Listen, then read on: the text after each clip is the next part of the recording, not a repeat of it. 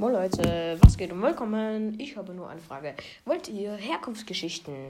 Ähm, ja, weil da würde ich vielleicht, weiß ich nicht, von Spike mal machen oder von Griff oder so.